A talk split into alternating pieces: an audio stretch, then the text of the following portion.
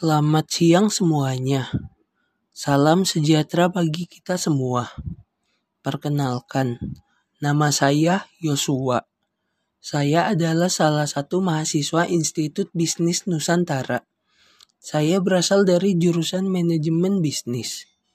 Di kesempatan yang saat ini, saya ingin membahas tentang pedulinya masyarakat Indonesia terhadap Pancasila di masa saat ini. Apakah Pancasila sudah lenyap dari kehidupan kita yang saat ini? Kita sudah selama 76 tahun perjalanan Pancasila di bangsa Indonesia.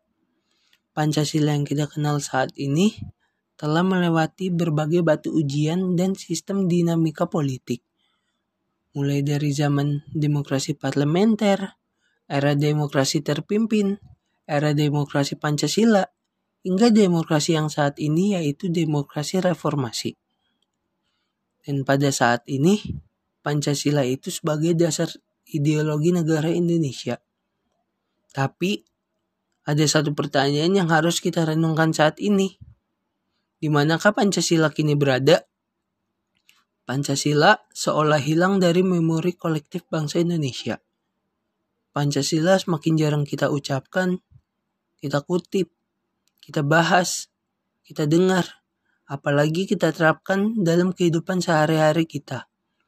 Semakin berkembangnya bangsa kita ini, maka semakin juga lupa kita menerapkan Pancasila dalam kehidupan. Perubahan tersebut telah mendorong terjadinya pergeseran nilai yang terjadi pada bangsa Indonesia. Sebagai terlihat dalam pola hidup masyarakat pada umumnya, Hal ini mengakibatkan beberapa perubahan seperti proses globalisasi pada setiap aspek, perkembangan gagasan hak asasi manusia yang tidak diimbangi dengan kewajiban asasi manusia, dan lonjakan pemanfaatan teknologi informasi oleh masyarakat dan terjadinya perubahan tersebut diperlukan reaktualisasi nilai-nilai Pancasila. Agar apa?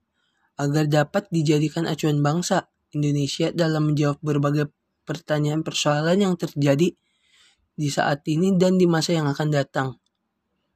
Baik itu persoalan yang datang dari dalam negeri dan persoalan yang datang dari luar negeri. Pancasila ini bukan milik suatu daerah atau ornamen dalam ke ke kekuasaan pemerintahan. Pada masa tertentu, Pancasila adalah dasar negara yang akan menjadi pilar penyangga bangunan arsitektural yang bernama Indonesia. Sebenarnya, sebagian besar reformasi ini diakibatkan oleh penyalahgunaan masa lalu. Banyak pengguna Pancasila di masa lalu menggunakan Pancasila sebagai kepentingannya diri sendiri. Maka masyarakat Indonesia mulai amnesia Pancasila. Coba kita lihat pada sila kedua yaitu kemanusiaan yang adil dan beradab. Sedangkan kehidupan yang saat ini kita jalani, pemerintah lebih mengutamakan masyarakat yang mempunyai banyak uang daripada masyarakat yang susah atau tidak cukup. Dan pada sila kelima, keadilan sosial bagi seluruh rakyat Indonesia. Di kehidupan saat ini masih banyak contoh yang kurang adil.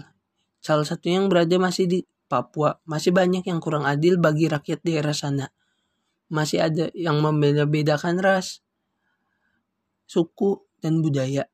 Dan perbaikan jalan di sana tidak dilakukan secara cepat.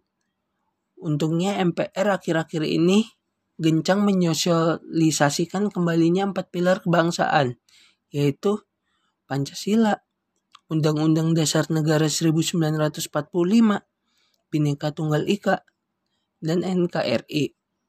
Maka dari sekarang kita harus mempunyai kesadaran diri. Kalau nggak dari kita yang jalanin, maka dari siapa? Maka mulai dari diri kita sendiri yang harus mengaktualisasikan Pancasila tersebut. Karena sangat berguna di masa yang akan datang dan lama-lama Pancasila bisa saja hilang kalau tidak kita melaksanakannya. Maka Pancasila tersebut bisa saja menghilang lagi. Pancasila tersebut bisa membawa kita ke arah yang lebih baik lagi mengajar dan Pancasila tersebut mengajarkan kita disiplin, menghormati orang lain, dan membuat kita semakin mempunyai moral yang bagus dan etika yang baik. Sekian, itu podcast dari saya. Mohon maaf jika ada salah kata yang tidak berkenang di hati pendengar. Sekali lagi saya mohon maaf sebesar-besarnya dan terima kasih.